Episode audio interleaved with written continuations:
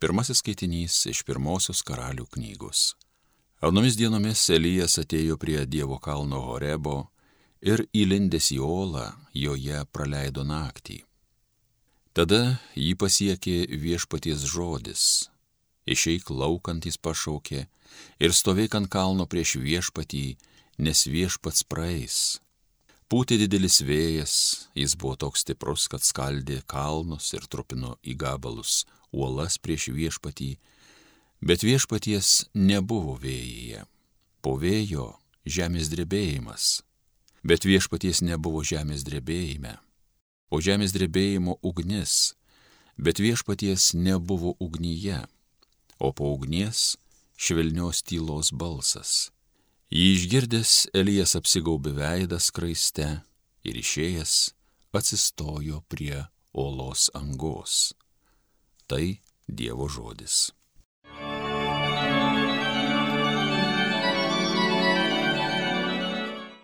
Viešpatie, parodyk mums savo ištikimąją meilę ir mus išgelbėk.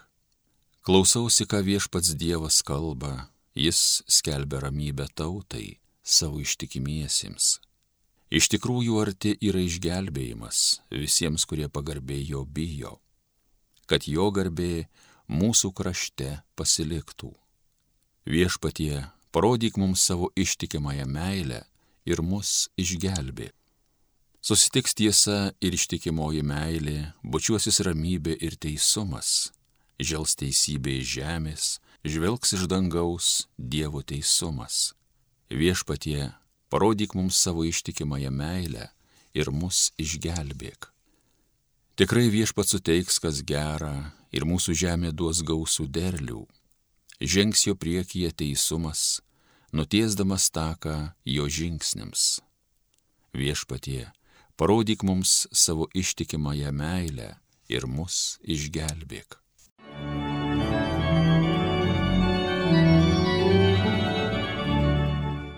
Antrasis skaitinys iš Šventojo Paštalo Pauliaus laiško romiečiams.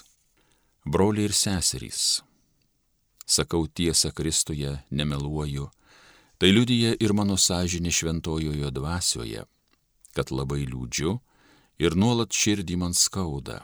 Man mieliau būtų pačiam būti prakeiktam ir atskirtam nuo Kristaus vietoj savo brolių ir seserų, tautiečių pagal kūną Jie yra izraelitai, turintys į vaikystę, garbę, sandoras, įstatymų leidybą, Dievo garbinimą ir pažadus. Jiems priklauso protėviai ir iš jų kūno atžvilgių yra kilęs Kristus, visiems viešpataujantis Dievas, šlovingas per amžius. Amen. Tai Dievo žodis. Alleluja.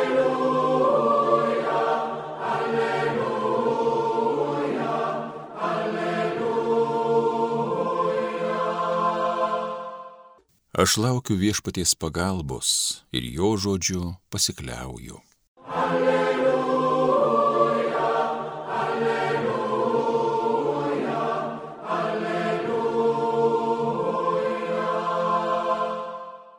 Pasiklausykite šventosios Evangelijos pagal matą. Tuo jau po minios pavalgydinimo Jėzus prispyrė mokinius sėsti į valtį ir plaukti pirmą jo kitą pusę ežero, kol jis atleisęs minę. Atleidęs minę, jis užkopė nuo šaliai kalną melstis. Ir atėjus vakarui, jis buvo ten vienas. Tuo tarpu valtis jau toli, toli nuplaukė nuo kranto, blaškoma bangų, nes pūtė priešingas vėjas. Ketvirtos nakties sargybos metu Jėzus atėjo pas juos, žengdamas ežero paviršiumi. Pamatę jį einantį virš vandens, mokiniai nusigando ir manydami, jog tai šmėkla, iš baimės ėmė šaukti.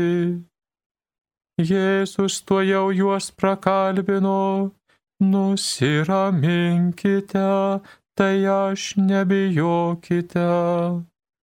Petras atsiliepė, viešpatie, jei čia tu, liepk man ateiti pas tave vandeniu.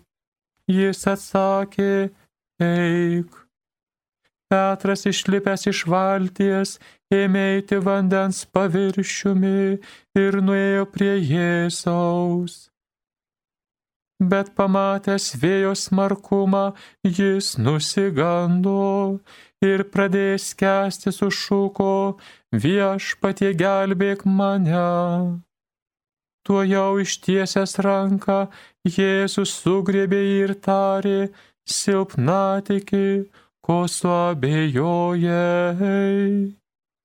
Jiems įlipus į valtį vėjas nurimo. Tie, kurie buvo valtyje, pagarbino jį sakydami, tikrai tu Dievo sūnus. Girdėjote viešpatie žodį.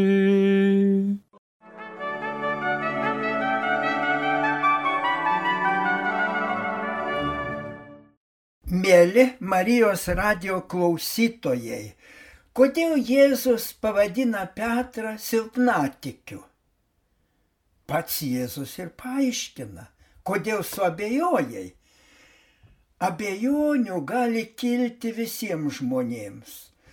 Dabartinis netikintis, bedieviškas pasaulis ypač bando sukelti abejonės. Bet abejonėms pasiduoda tik menko, silpno tikėjimo žmonės. Tokio menko, silpno, tiesiog bedieviško tikėjimo Lietuvoje matome labai daug. Galima sakyti, kad daugeliu žmonių pakanka tik truputį Dievo.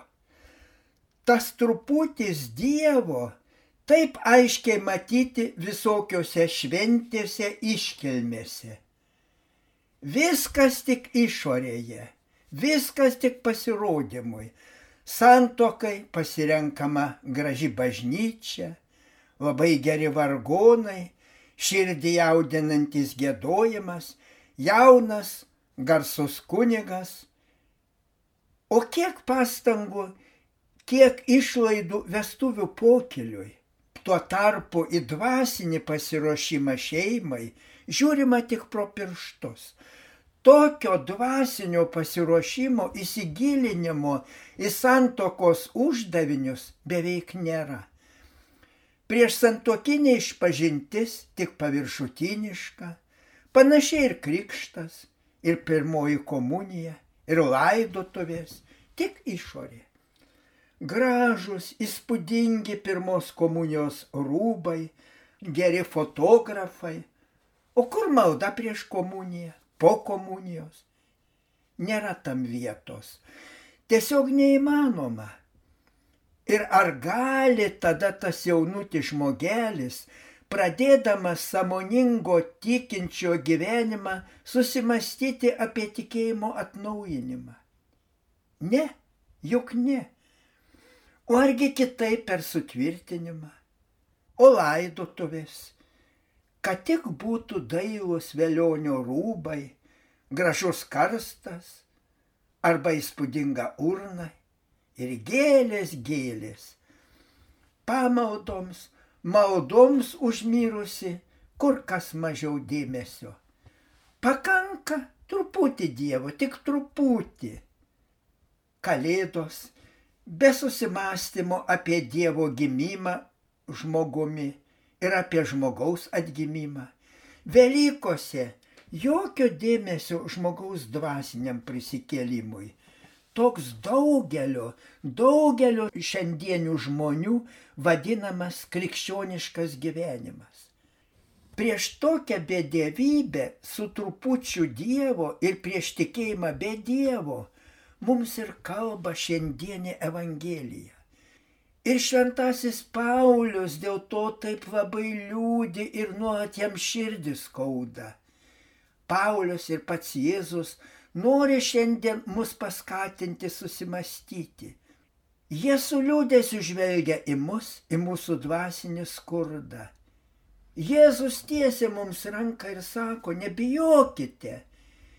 Ir jei mes savo gyvenime, kaip Petras, vis viruojame tarp pasitikėjimo ir baimės, ir jei mes net daugiau žiūrime į savo menkystės reikalus negu į Dievą, vis tiek su didelė viltimi galime šaukti, viešpatė gelbėk mane. Jei mes įsileisime viešpatį savo dvasios laivą, nurims mūsų dvasinės audros. Su tikru tikėjimu turime įsileisti Jėzų. Bet kurgi rasti tą tikrą tikėjimą? Juk tie, kuriems pakanka tik truputį Dievo, į tikėjimą žiūri kaip į baisę riziką. Seni pamokslininkai apie tokius net sukūrė pasakojimą. Cirke per aikštę ištemptas storas linas, žmonės sako, trosas. Ir tuo trosu iš vienos pusės į kitą pusę su karočiu, lietuviai sako, su tačka, pervažiuoja artistas. Žmonės jau audringai ploja, trosų važiuoja su karočiu, o artistas sušunka. Ar tikite, kad man taip pat pavyks parvažiuoti atgal? Minio šaukia, taip, taip. O artistas atsistoja ir tyli. Kažkas įma šaukti. Tai judėk, ko sustoja, atgal judėk. Tada artistas klausia tą šaukiantįjį. Ar tikrai tikite, kad su karučiu parvažiuosiu atgal? Žinoma, tas atsako. Tad jums paduos kopečias, užlipkite ir sėskite į karūtį, aš jūs parvešiu. Bet tas nebeatsiliepia. Nors jis tiki artisto sugebėjimais, bet bijo tokios nutrūktgalviškos rizikos. To istorija taip aiškiai parodo, ką reiškia besaliginis pasitikėjimas. Kad ir nedaug, bet visada yra žmonių, kurie patikė save kitiems. Pavyzdžiui, ar rinktis rizikingą operaciją, kai gydytojai sako, jog be operacijos gal dar pusmetį pagyvensi O jei pasiseks operacija, gyvensi ilgiau. Bet jei nepasiseks, jau reikės ruoštis mirčiai. Ir argi ne rizika santuoka, kai savo gyvenimą suriši su kitu, suriši iki mirties ir sveikatos ir lygos dienoms, ir laimingoms ir nelaimingoms dienoms, visam gyvenimui. Ir turime pasakyti, kad niekas nereikalauja tiek mūsų tikėjimo kaip Jėzus Kristus. Skirtumas tik toks, kad susijęti su juo savo gyvenimą nėra jokios rizikos. Jisgi siūlo mums amžiną gyvenimą, amžiną laimę, amžiną džiaugsmą. Dar daugiau, susijęti savo gyvenimą su Jėzumi Kristumi, tai reiškia gyventi pagal jo mokymą, Tai reiškia apsaugoti savo gyvenimą nuo visokių klaidų, nuo visokio žlugimo. Tas Jėzaus žodis ištartas Petrui eik, skirtas mums visiems. Eik, nenusisūk nuo Jėzaus, niekada nepamesk Jėzaus iš savo dvasios žvilgsnio.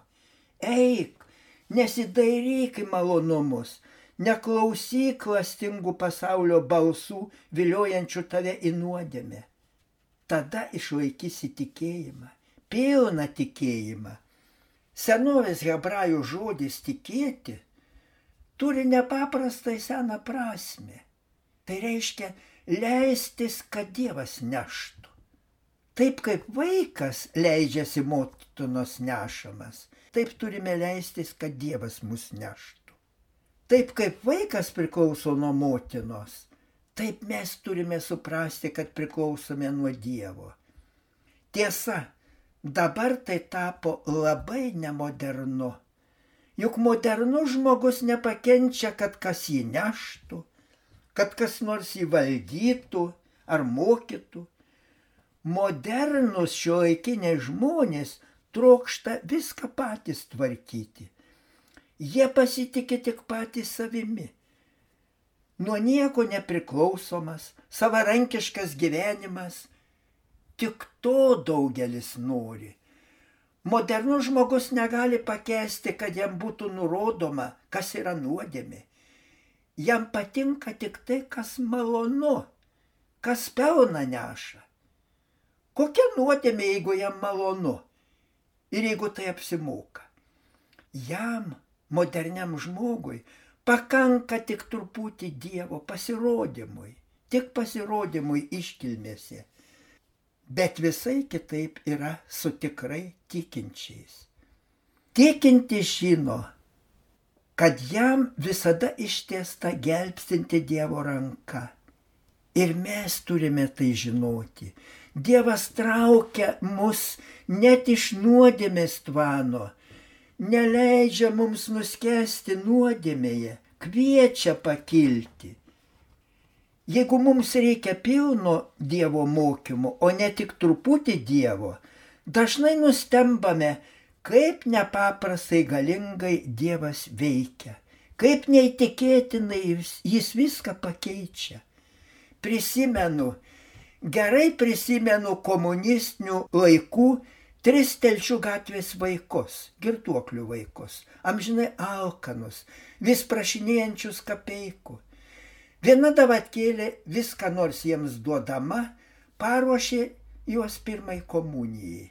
Vis stengiasi, stengiasi pripildyti juos gyvo tikėjimo, kad jaustų pilną Dievą, o ne tik truputį Dievo. Ir vienas iš jų užsidegė tikėjimu. Vis kalbėjo jis, vis svajojo, kad per pirmą komuniją iš Jėzaus gaus jėgų ir apgins tėvo girtuokliu mušamą mamą. Ir štai nutylo pirmos komunijos šurmulys. Tetutė, davatkėlė pasimeldusi su berniukais, pavaišino juos ir išleido namo. Bet nenuėjo dar jie namo. To pirmojo užsiplėskė akis. Dar einam pasimelsti prie Jėzaus statulos. Juk reikia apginti mano mamą, kad girtas tėvas nebemuštų. Nuėjo visi trys, meldžiasi, staiga vienas sako, žiūrėk, Jėzaus rankos tai tuščios, ką jis gali duoti. O antras tiesiog nusijuokė. Aišku, kad jo rankos tuščios ir nieko jis neduos.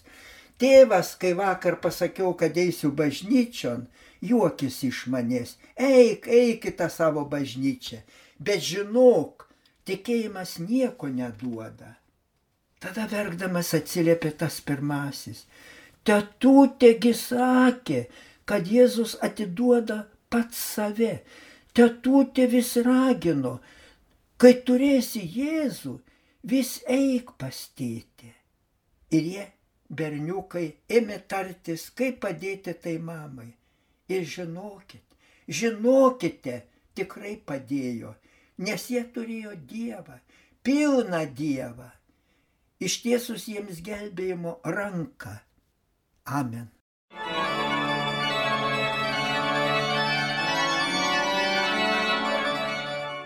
Homilyje sakė panevižio vyskupas emeritas Jonas Kauneckas.